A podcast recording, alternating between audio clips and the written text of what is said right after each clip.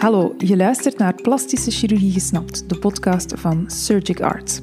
Wij zijn plastisch chirurg Nicolas Wilses. En Margot den Hond. En het is ons doel om jou een realistische kijk te geven op wat wij doen en plastische chirurgie dichter bij jou te brengen.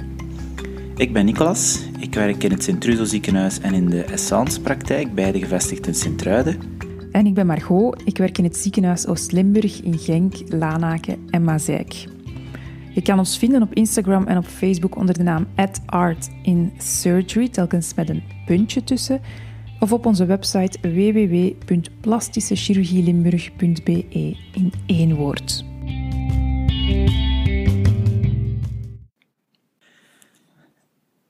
Eerst en vooral gelukkig nieuwjaar. Ik hoop dat je hebt kunnen genieten van de feesten. Wij al sinds wel. We hebben uh, kunnen terugkijken op 2022 als een heel leuk jaar, zeker wat de podcast betreft. We zijn dit jaar over de duizend downloads gegaan, wat voor ons een uh, heel leuke kaap was om te overschrijden. We zijn eind vorig jaar ook gestart met de shortcasts en die hebben toch wel duidelijk succes. Daar is, daar is wel vraag naar. En dat is ook voor ons leuk om, om dat te merken, want uh, dat, dat geeft toch enige erkenning en, en dat houdt een beetje het plezier in wat wij doen. Voor dit nieuwe jaar en het derde seizoen hebben we een paar nieuwe voornemens. Eerst en vooral willen we de frequentie opdrijven. Maar ja, er kruipt nogal wat werk in, dus dat is niet altijd eenvoudig met onze job te combineren. En anderzijds willen we ook meer focussen op die shortcasts en uh, eventueel een gast uitnodigen. Ja, zeker en vast. De shortcasts zijn voor ons iets meer behapbaar om, om op korte termijn gepubliceerd te krijgen. Hè. En een gast uitnodigen, zeker en vast. Er zijn nog heel veel zaken die we kunnen bespreken waar we experten in andere domeinen kunnen bijhalen.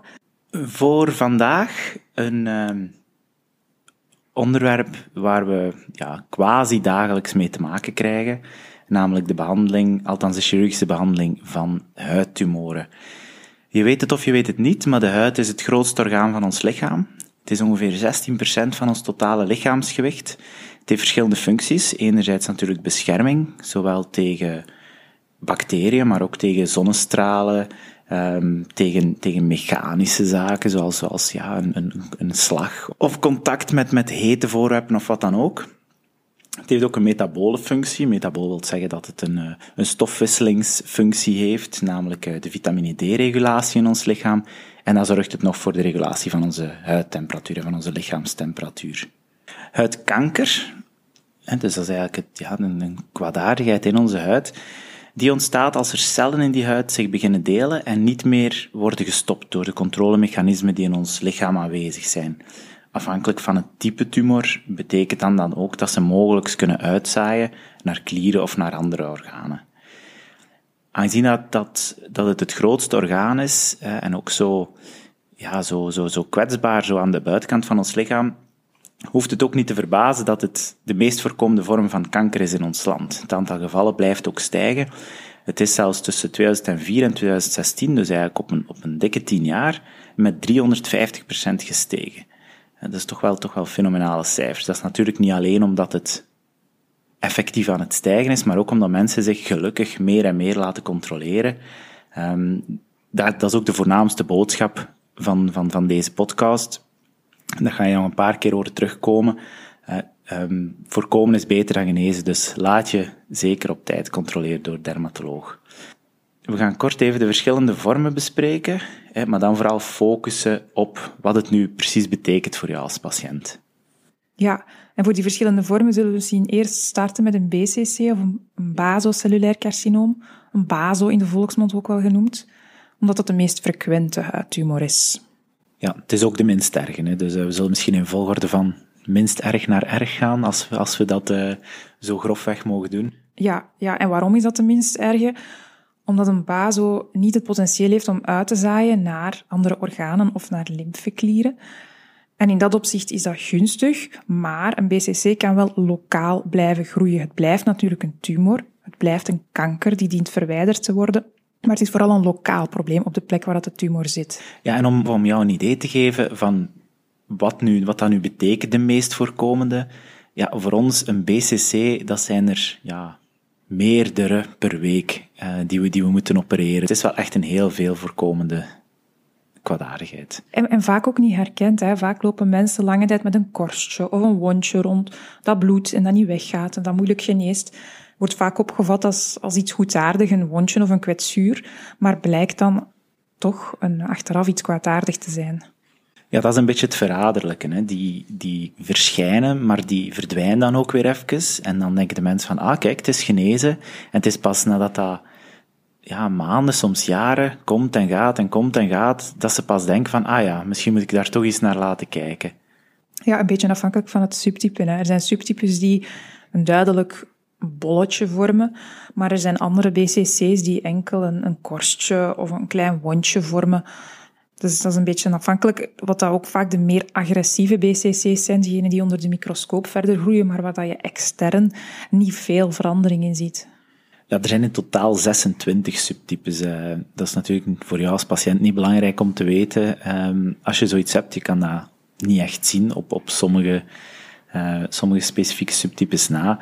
Maar voor ons als behandelaar heeft dat natuurlijk wel um, ja, een betekenis. Ja, en wat betekent dat qua risicofactoren? De zon, de zon, de zon. Ik denk dat dat het allerbelangrijkste, de, de belangrijkste boodschap van vandaag is. Het is de zonneschade die doorheen de jaren is opgebouwd die een belangrijk risico vormt op het ontwikkelen van BCC op latere leeftijd. Niet zozeer één keer heel hard verbranden, maar cumulatief opgeteld door in de jaren telkens zon, zonbeschadiging op de huid. En dan is het ook zo dat niet elke huid daar even gevoelig aan is. Dus uh, er zijn verschillende types huid. Um, ooit iemand geweest die dat, die dat mooi heeft opgelijst, uh, Fitzpatrick. Um, in essentie komt het erop neer dat mensen met een heel bleke huid, die heel snel verbranden, dat dat ook de huidtypes zijn die daar het meeste gevoelig aan zijn. Ja, daar komt dan leeftijd bij. Voornamelijk worden BCC's gezien tussen 40 en 80 jaar, dus als er al een behoorlijk aantal jaren zonblootstelling is geweest. Maar ook mensen die immuunsuppressie nemen, dus bijvoorbeeld na een transplantatie. Zij hebben door onderdrukking van het immuunsysteem hebben ze minder kans om die schade, de DNA-schade die door UV-stralen wordt aangebracht, om die te herstellen. Dus deze mensen, en vaak op jongere leeftijd, hebben ook een verhoogd risico op BCC. Ja, en met het feit dat dat, dat voornamelijk door, door zonneschade komt, door cumulatieve zonneschade, hoeft het ook niet te verbazen dat de meeste van deze letsels in het hoofd-halsgebied voorkomen. Dus het, ons hoofd en onze hals is, is, is standaard een beetje de regio die doorheen het jaar het meeste zon ziet. Um, dus dat is ook, ook de regio waar die letsels het vaakst voorkomen. Yes, inderdaad. En dan, dat brengt ons misschien bij een volgende huidtumor die we gaan bespreken. Ja, de tweede vorm is een spinocellulair carcinoom. Dus de eerste was een basocellulair carcinoom. Een spino, zoals we zeggen, wordt ook, en dat is vooral in Nederland, plaveiselcelcarcinoom genoemd. Een PCC. Of een SCC. Of een ja, ik ga het herhalen. Een PCC of een SCC. Ja, dat is inderdaad een belangrijke, want heel veel van onze patiënten komen van over de grens. Um, en daar, daar is dat toch ja, net iets anders. En dan, dan is er soms een beetje verwarring tussen BCC en PCC. Uh, maar dit, SCC is gelijk aan PCC. De P van papa. Ook deze zitten voornamelijk aan het gezicht, maar ook aan de handen, aan de onderarmen. Um, er is één heel specifieke locatie, dat is, dat is het oor. Als we daar een letsel op zien, dan moeten we altijd een beetje extra bedacht zijn van dit kan wel eens eerder een, een SCC of PCC zijn, eerder dan een BCC. Ja, en anders dan een BCC gaat een SCC de potentieel hebben om uit te zaaien. Die slechte cellen die kunnen zich verplaatsen naar de lymfeklieren of naar andere organen. Dus dat maakt dat er ook plots heel wat meer risico's komen kijken bij die tumor en dat we die ook serieus moeten nemen. Wat betreft risicofactoren zitten we een beetje in dezelfde als bij de vorige, namelijk zon. Blijft, het is voor alle huidkankers gewoon echt, echt heel slecht. Leeftijd, omdat natuurlijk de, de zonneschade, zoals we eerder al zeiden, dat wordt cumulatief bekeken. Hè, dus, dus over de jaren heen, niet zozeer één keer fel verbranden, maar, maar de schade over de jaren heen. En ja, hoe ouder je bent, hoe meer schade je huid uh, heeft opgelopen. Dat is alleen maar logisch. En dan opnieuw die, die blekere huid en die immuunsuppressie. Die immuunsuppressie, en zoals dat Margot eerder zei, bij mensen die na een orgaantransplantatie medicatie moeten nemen tegen, tegen de afstoting, dus, dus die immuniteit onderdrukken, maar ook bijvoorbeeld mensen met HIV. Dat is dan niet door medicatie, maar puur door het virus dat hun immuniteit onderdrukt wordt. En dus hebben zij ook op jongere leeftijd risico op SCC.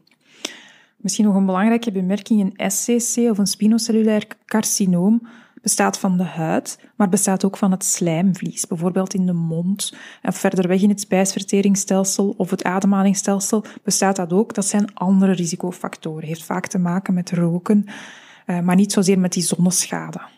Dan de derde categorie? Ja, voor ons een hele belangrijke, het melanoom. Melanoom is een tumor van de pigmentcellen van de huid die ook het potentieel heeft om uit te zaaien via de lymfeklieren of via de bloedbaan naar andere organen zoals de hersenen of de longen. Het is een tumor die we zeker au serieus dienen te nemen, die in belangrijke mate gerelateerd is aan zonneblootstelling. Zonnebrand in het verleden speelt daar een hele belangrijke rol in.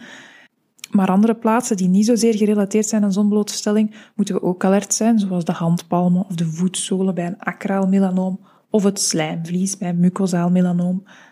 Belangrijk ook bij de melanomen is de familiale voorgeschiedenis. Het zijn, komt, komt vaker voor in, in, in bepaalde families.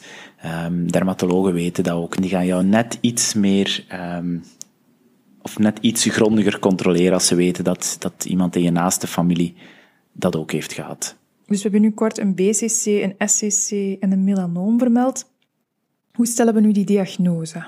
Hoe gaat dat in zijn werk? Patiënten komen bij ons meestal na verwijzing van de dermatoloog. En dan is er ofwel klinisch een diagnose gesteld of een klinisch vermoeden um, geuit van ik denk dat dit vlekje dit soort letsel is en ik zou dat graag weg willen of op zijn minst willen laten onderzoeken. Of de dermatoloog heeft zelf al een biopt genomen om de, die, die diagnose te bevestigen of te weerleggen. Ja, en zo'n biopt, dat is een klein stukje huid dat wordt afgenomen om onder de microscoop te onderzoeken. Het kan een incisiebiopt zijn, waarbij dat er enkel een fragmentje van een paar millimeter wordt weggenomen. Of dat kan echt een excisibiopt zijn, waarbij de dermatoloog het letsel al volledig heeft weggehaald en er volledige diagnostiek is gebeurd onder de microscoop. Want dat is wel echt heel belangrijk bij dit soort letsels. Er is, er is geen zekerheid of er is geen diagnose totdat de patholoog het onder de microscoop bekeken heeft. Er kan een heel sterk vermoeden zijn. dermatologen die, die hebben een, een enorme expertise ook in het herkennen van die vlekjes, dus die weten, die hebben vaak wel al op voorhand een heel sterk vermoeden. Maar we kunnen pas de, de volledige behandeling inzetten als we de bevestiging hebben via, um, via de patholoog. Dus als, als het microscopisch onderzoek achter de rug is. Dat maakt het vaak ook moeilijk. Hè? Soms zeggen mensen van, ik had dit vlekje al heel lang, waarom is dat niet eerder herkend? Sommige vlekjes of sommige letsels ontstaan uit een oorspronkelijk goedaardig letsel. Een melanoom bijvoorbeeld kan ontstaan uit een goedaardige pigmentvlek. Of een melanoom kan ook nieuw ontstaan. Dat is een heel moeilijk evenwicht, een moeilijke grens, waarbij dat klinisch zeer veel criteria worden gebruikt om een letsel te herkennen dat dat al dan niet verdacht is, maar het blijft nog een vermoeden. Het is geen zekerheidsdiagnose. En dan komt eigenlijk, dat is de belangrijkste reden waarom wij betrokken zijn in dit hele verhaal, de chirurgie. De exacte behandeling, zeker voor een SCC en voor een melanoom, wordt overlegd op de MOC-bijeenkomst, het Multidisciplinair Oncologisch Consult. Dat betekent dat specialisten bij elkaar komen om het verdere beleid van een tumor te bespreken. Wie is daar aanwezig? Een dermatoloog, een chirurg, plastisch chirurg, een oncoloog, een radiotherapeut, een patholoog die de microscopie onderzoekt, vaak ook een neuskeel-oorarts, een MKA-arts nog de radioloog die, die de scans en zo soms mee bekijkt of de echografieën interpreteert. En op die vergadering wordt er dus een beleid geformuleerd. Wij zijn betrokken in het chirurgiedeel. Soms zijn er ook andere modaliteiten zoals radiotherapie, immunotherapie, chemotherapie enzovoort. Het is ook daar in die vergadering dat zal besloten worden van welke onderzoeken hebben we nog nodig voordat we aan die behandeling kunnen beginnen. Ja, vaak willen we op voorhand een duidelijk beeld hebben van beperkt het letsel zich tot de plek, tot die huidtumor? Of zijn er ook nog op andere plaatsen op het lichaam verdachte zaken te zien, zoals vergrote lymfeklieren of ergens een letsel in een orgaan? Wij gaan dan snijden. En als we een huidtumor willen wegnemen, gaan we dat altijd met een marge doen. Dat betekent dat we gezonde huid, voldoende gezonde huid rond de tumor willen om zeker te zijn dat die volledig weg is. Want hoewel dat we met het blote oog de tumor er ruim uithalen, kan het toch zijn dat onder de microscoop dat een kankercel wat verder gekropen is en dat die al wat meer of zelfs aan de rand van het letsel zit. Dat zijn klinische, dat zijn strikte richtlijnen. Bij melanoom gaat de diagnose gesteld worden op een excisiebiopt, als het al volledig verwijderd is. Maar dan wordt er op de microscopie een hele analyse gedaan om te kijken hoe diep de tumor zit, of de zenuwtakjes betrokken zijn enzovoort. En afhankelijk van de dikte van de tumor wordt er een bepaald stadium toegekend. En dient er een tweede operatie te gebeuren, waarbij dat het melanoom of het litteken alleszins, want het melanoom is al verwijderd, maar het litteken dient dan ook nog eens verwijderd te worden met een marge van 1 centimeter of 2 centimeter, afhankelijk van de uiteindelijke dikte. Dat is een standaard procedure die dient te gebeuren, omdat het risico op het later terugkomen van het melanoom is veel groter als het letsel enkel verwijderd wordt. We zien pas dat er een duidelijke daling is in het risico op terugkomen en op overleving als we daarna ook nog eens gezonde huid gaan wegnemen voor 1 à 2 centimeter. Soms is het ook niet genoeg om enkel het litteken verder weg te snijden of het letsel verder weg te snijden. Soms is het ook nodig om een, een, een lymfeklier mee weg te nemen. Maar dat is een heel topic op zich. En daar heeft Margot in onze vorige shortcast um, al uitgebreid over gesproken. Dus daar wijzen, verwijzen we je graag naartoe.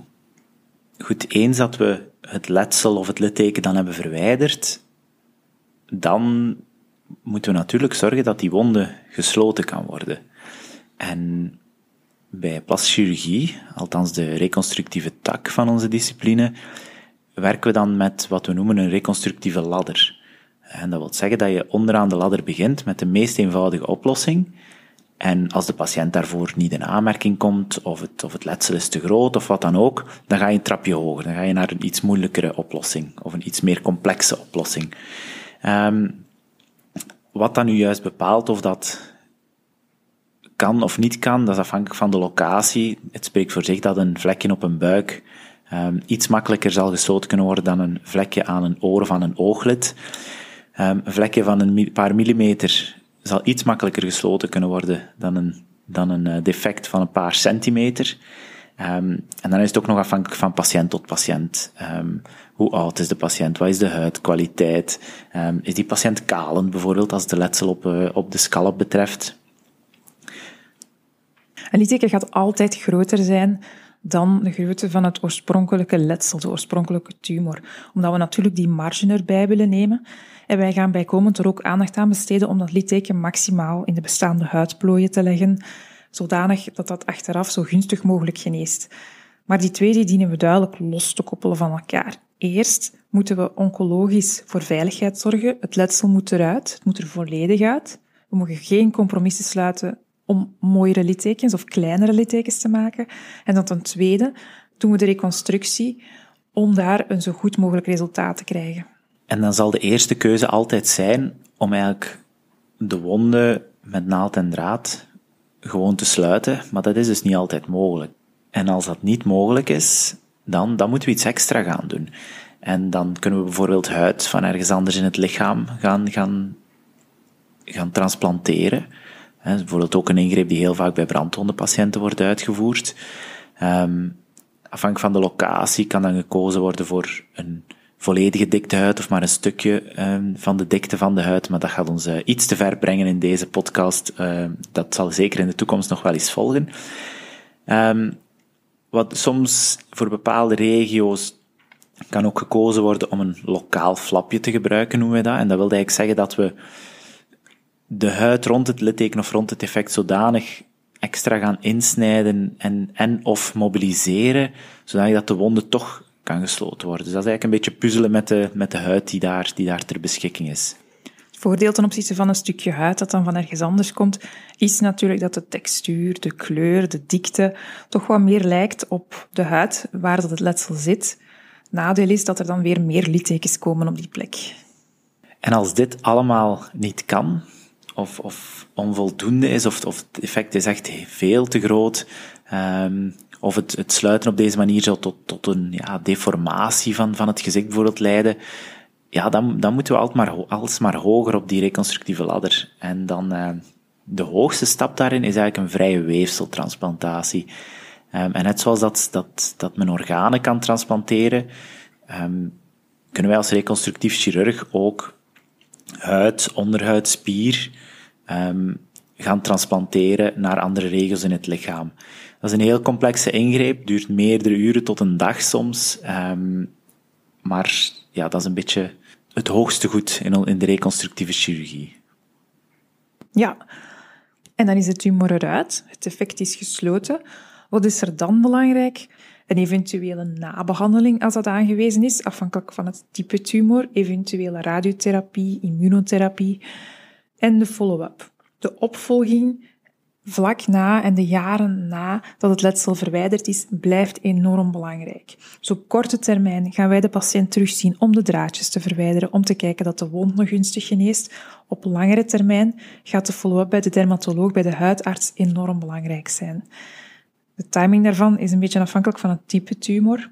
Ja, soms is het inderdaad drie maand al na de ingreep, voor anderen is het eerder zes maand. En die timing zal ook variëren naarmate dat de tijd vordert. Dus in het begin zal de dermatoloog of de oncoloog jou vragen om wat vaker langs te komen. Als al die controles dan gunstig zijn, kan het zijn dat ze met jou overeenkomen om er iets meer tijd tussen te laten. En dat allemaal is om te kijken dat het letsel niet terugkomt of niet op andere plaatsen op het lichaam er letsels ontstaan. Dus om zeker te zijn naar de toekomst toe. Want hoe sneller dat we zo'n dingen opmerken, hoe efficiënter dat de behandeling vaak is. Ja, en hoe groter de kans op genezing ook. Hè. Nu, belangrijker dan genezing is natuurlijk het voorkomen van die dingen. Zonnebescherming. Ja, absoluut. Dus blijf in de schaduw als het kan. Draag beschermende kledij. Leg onder een parasol. Smeer je voldoende in. Um, dat betekent meerdere malen per dag. Ja, we hebben er een blog over Minimaal om de twee uur kan je inderdaad terugvinden, ook op onze blog. Um, een zonne, hoge zonneprotectiefactor, SPF, is goed, maar nog veel belangrijker is, de, belangrijker is de frequentie waarmee dat je insmeert. En zoals we vaak zeggen, zonnecrème naast de tandenborstel. Probeer op, je, op zijn minst jouw gezicht en jouw hals al in te smeren, want dat is de belangrijkste zone waar de huidtumoren kunnen ontwikkelen. En bovendien ook voor rimpels en voor kwaliteit van de huid een hele belangrijke. Zeker um, als je wat ouder wordt, is het een goed idee om eens langs te gaan bij een dermatoloog en daar eigenlijk een jaarlijkse traditie van te maken. Um, zodat zij goed kunnen opvolgen welke vlekjes er verdacht zijn, welke vlekjes geëvolueerd zijn. Um, sinds de laatste controle, zodat dat, dat zo kort op de bal kunnen spelen, moest er, uh, moest er iets veranderen. Je kan dat ook zelf een beetje in de gaten houden. Um, zeker wat die pigmentvlekjes uh, betreft. Um, als die veranderen, ja, of, ga dan toch maar even langs bij dermatoloog om die even te laten nakijken. Een handig acroniem, ABCDE. Waarbij als je een huidletsel controleert, A staat voor de asymmetrie, als de randen asymmetrisch zijn. B staat voor de border of de boord, de rand. Is die mooi regelmatig afgelijnd of eerder met veel kronkels? C staat voor kleur of color in het Engels. Zijn er verschillende schakeringen van vaak bruin, donkerbruin, lichterbruin. D staat voor diameter, waarbij een letsel vanaf 6 mm toch als meer verdacht wordt aanzien. En E staat voor evolutie, dus een letsel dat verandert in de loop van de tijd. Dat heeft ook een zekere index of suspicion, is ook meer verdacht.